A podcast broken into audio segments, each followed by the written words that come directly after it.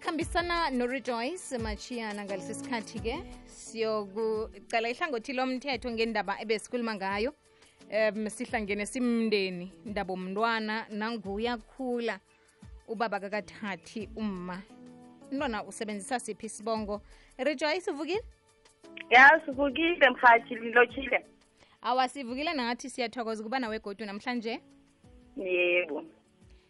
Nasi indaba yesibongo umntwana usithatha nini isibongo sakayise ongakathathi unina rejoyce ngokomthetho?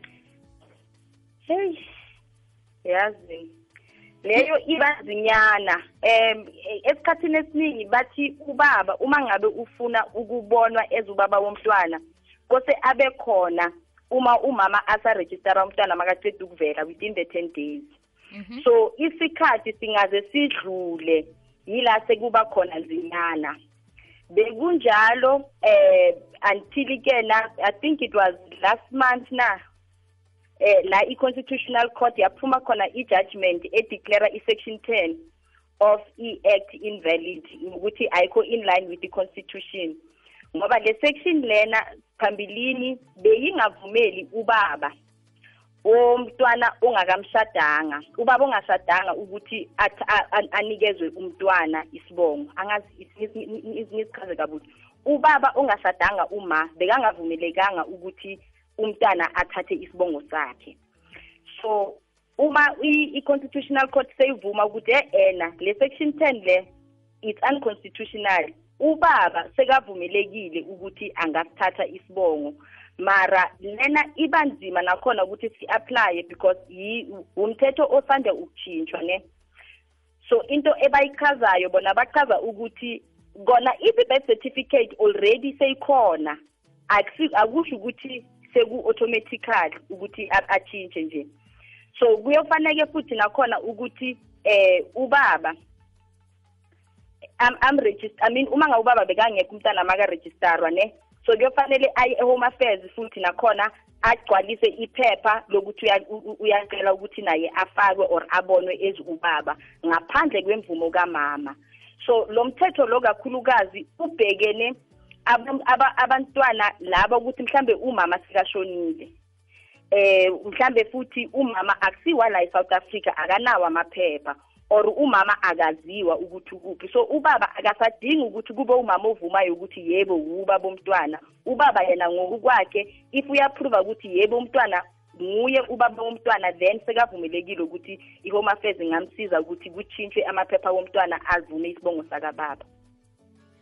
Ngiba ukukuzwisisa kuhle um ukuqinisekisa ukuthi ngikuzwisisa kuhle rejoyce U- Mm. ubaba angathatha umntwana aye naye home affairs umma angazi eh, am- amthathise isibongo sakhe?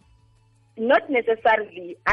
Angiboni ukuthi that's the intention of the legislator or le le le judgment le akusinhloso yakhona. Yona ibheke specifically ukuthi if umama mhlambe sekashonile umntwana bekasebenzisa isibongo sakama ubaba sekayavela uthi umntwana lo ngowami ngifuna ukumenzela mhlambe maybe ufuna ukumfaka ama-medical aid or emsebenzini or ini so umthetho uyavuma ukuthi e-e baba usayidinga imvumo kamama or awusadingi ukuyomcela eh kuma-in-laws esikhweni.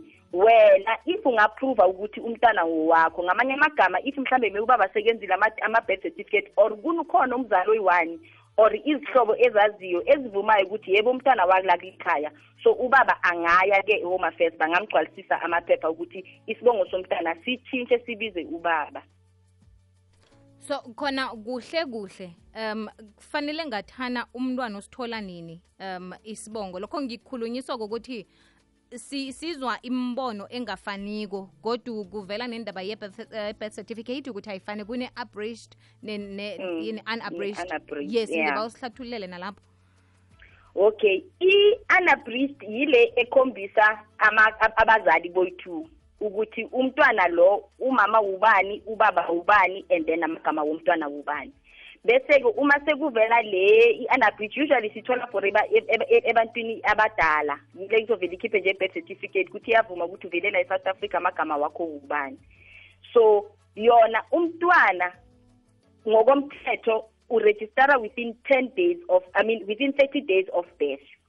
So if say for instance umntana uyavela ngezi 1 january kufanele ngezi-30 January sekazisiwe eHome Affairs ukuthi sekavelile abazali bakhe bobani amagama wobani.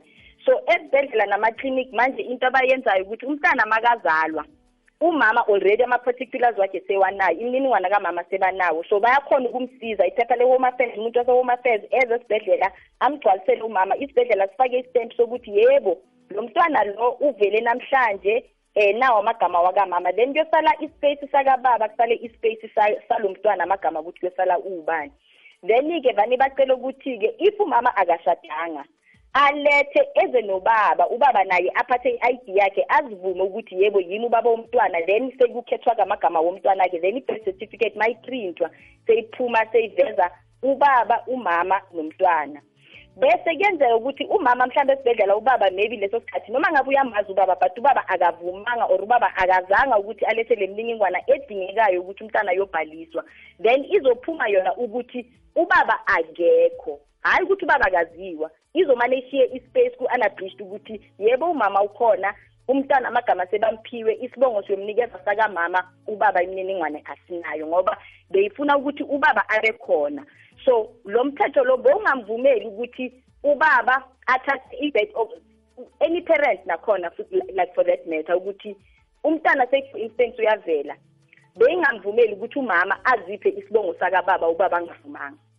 But this particular judgment dona ithi yona ubaba uma ngabe umama akafuni ukumamukela ukuthi umntwana wakhe or uma ngabe umama akasiwa la eSouth Africa kana ID yokuthi abhalise umntwana or uma ngabe umama mhlambe akaziwa washiya umntwana kagogo ubaba unelungelo lokuthatha umntwana aye naye home affairs ayombhalisa ukuthi yemi ngamanye amagama yimi ubaba ngiyavela kuphela. So ngamanye amagama ithi yona like it's just that understand ukuthi kuzoyenzeka kanjani uma ngabe ubaba ubaba ukhona nomama ukhona but umama sekalele obviously izoba izobafaka kobabili angeke ifane nale ekhona manje yokuthi kuvela ubaba i mean kuvela umama kuphela ubaba akekho.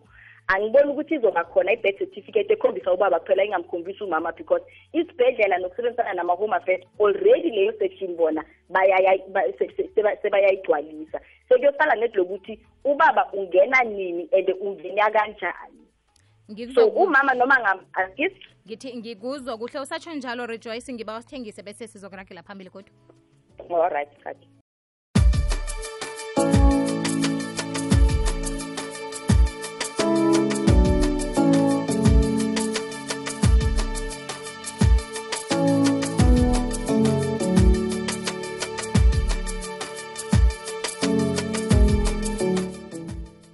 amachumi amabili nambili mzuzu ngemva kwesimbi yechumi nanye ikwekwezi fm kukhanya bhangi mnawe 9 to 12 sikhambisana norejoyce machiyana siqela indaba yomntwana ukuthi usithatha nini isibongo sakayise. Um ngiba wasizwe lapha.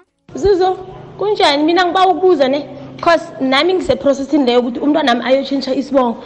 But last bathi basho ngize ne-affidavit yakababa ne-photocopy yakababa. Mara nase sifike lapha bathi basho bafuna ubaba qobo lwakhe. So ngamangala ngababuza ukuthi njani ngoba nithe ubaba enze i-affidavit avume ukuthi umntwana labize ngesibongo sakhe. So angazi ukuthi mhlambe izinto ezitshentshe nje or njani. Ngibawa nedi ukubuza lokho ukuthi umntwana natshentshe isibongo ukuhamba nami nobabakhe na or nangiphethe ama-particulars akababakhe ku-right na? Bye. Rejoice yo hayi ngiyamuzwa umlaleli le. Mhm. eh i think enye izoba ukuthi ama department sewanezi izindlela zokwenza izinto bona. Bekuzaba ngcono mhlawumbe ukuthi maybe ngelinye ilanga simbize umuntu wase home affairs azosichazela ukuthi isebenza kanjani. But ngesayidini lomthetho ithi yona uma ngabe ubaba akakhonanga ukuba khona ekubhaliseni umntwana makavela. Sekavumelekile ngalo mthetho lo ukuthi aye azenzele ngaphandle kwemvumo yakamama or noma ngabe umama angavumi. Kukhona okunye ukufika kwenqondo nami rejoice na utsho njalo? Nangabe um ubaba uza nomntwana uthi umntwana nangu unina umchiye emnyango. Siwamsonga ngengubo wamchiye emnyango. Baba sekafuna ukumthathisa i-birth certificate umntwana um namkha ufuna abe ngowakhe vele ngokusemthethweni ahlale naye. Umma uyavela ngelinye ilanga uthi ubaba lo wameba umntwana. Yabona indaba indaba leyo isafaniki nje ayisafani iye. Hayi ngiyayizwa leyo ichazayo. Kakhulukazi ama-case anjalo yila sithi khona sicela abo-social department be-social services ngamagama ama-social worker kose a-involve kukhona ukucheckwa because umntana kuyenzeka esikhathini esiningi ukuthi umntana uvelile vele umama zankampanise or umntana uvelele ekhaya umama zankamise home affairs ukuthi basale bamdocument akana-birth certificate ngamanye amagama. So izinto ezinjalo ukuthi ubaba naye kose approve ukuthi kuze kanjani umntwana afike kuye isikhathi esingakanani umntwana uvelele kusiphi isibhedlela. Le izosibuyisela kakhulukazi ukuthi akusi wonke umuntu onayi-birth certificate but uma uma kuyisikhathi sokwenza ama-i d vane bacela ukuthi umuntu mhlambe aphindele esontweni labambhabhadisa khona or kose aye mhlambe esikoleni lafunde khona kube nomuntu ovumayo ukuthi yebo umuntu oso siyamazi and uvele ngaleso sikhathi or iminyaka yakhe siyavuma ngayo. So nakhona kuzoba yi-case efana naleyo ukuthi ubaba kufanele approve phela ukuthi eh yebo umama umshiyile umntwana abe nama-witnesses wakhe asupportwe ama-social worker. Bese umama if uyavuma then sekutshintsha-ke le case sekuba yi-fraud kusho ukuthi ubaba ukhuluma amanga phela. Yo okay. So ngokutsho njalo silungisa indaba esiyizwa ngole yokuthi ubaba nje sekangakhona ukuthatha umntwana ayomthathisa isibongo sakhe ngaphandle kwemvumo kamma. Ngoba hawa seyithathelwa phezulu ukuthi hawa umntwana ngwami batsho ekhabo angikaloboli kodwana yena ngwami heyi leyo yokulobola nokuhlawula umntwana wami iyahlupha because umama umntana makashoda uyayo ema-maintenance court uthi umntana wami nobaba so umthetho ufuna ukulungisa izinto zaloko ukuthi amasiko wethu maningi and awafani. Ngamanye amagama bafuna ukwenza ukuthi umfazi afane eh nendoda umlungu afane nomuntu omnyama. Amalungelo wabelungu afane namalungelo wabantu abamnyama. So asifuni ukuthi kakhulukazi amasiko wethu ahlukumeze abantwana ngoba i-high court ibheke as i-upper guardian. Yabonke abantwana abangaphansi kweminyaka engu-18 and izovumela zonke izinto eziku-interest yomntwana noma ngabe abazali bona bathini. So kakhulukazi lokho vane kuwukulwa kwabazali and esikhathini esiningi kulimaza umntwana ngoba kuzomsiza umama ukuthi ubaba azifake ku-birth certificate ngoba lama system sewahlangene. If ubaba ukhona ku-birth certificate yomntwana and abashadanga ubaba ashone. Abakhabo baba mabathi baya mhlambe e-master of the high court bathi bayobhalisa isystem izosho ukuthi e-e unomntwana sifuna umzali ophilayo sifuna umama if ubaba mhlambe khona mshiyelo. So kona uma ubheka lo mthetho yebo kwamanje ngoba utshentsho lunzima abantu ayehli kahle but it's going to be in the best interest of abantwana because the intention ukuthi ba-protecte amalungelo wabantwana from kumama or kubaba or umphakathi eh, eh, ngaphandle. Rejoyce uzwakele siyathokoza. Aloke sikufumana njani? Eh ngingithola ku-cellphone number ku-zero seven two four one two three zero zero five. Siyathokoza rejoyce amen. Thank you.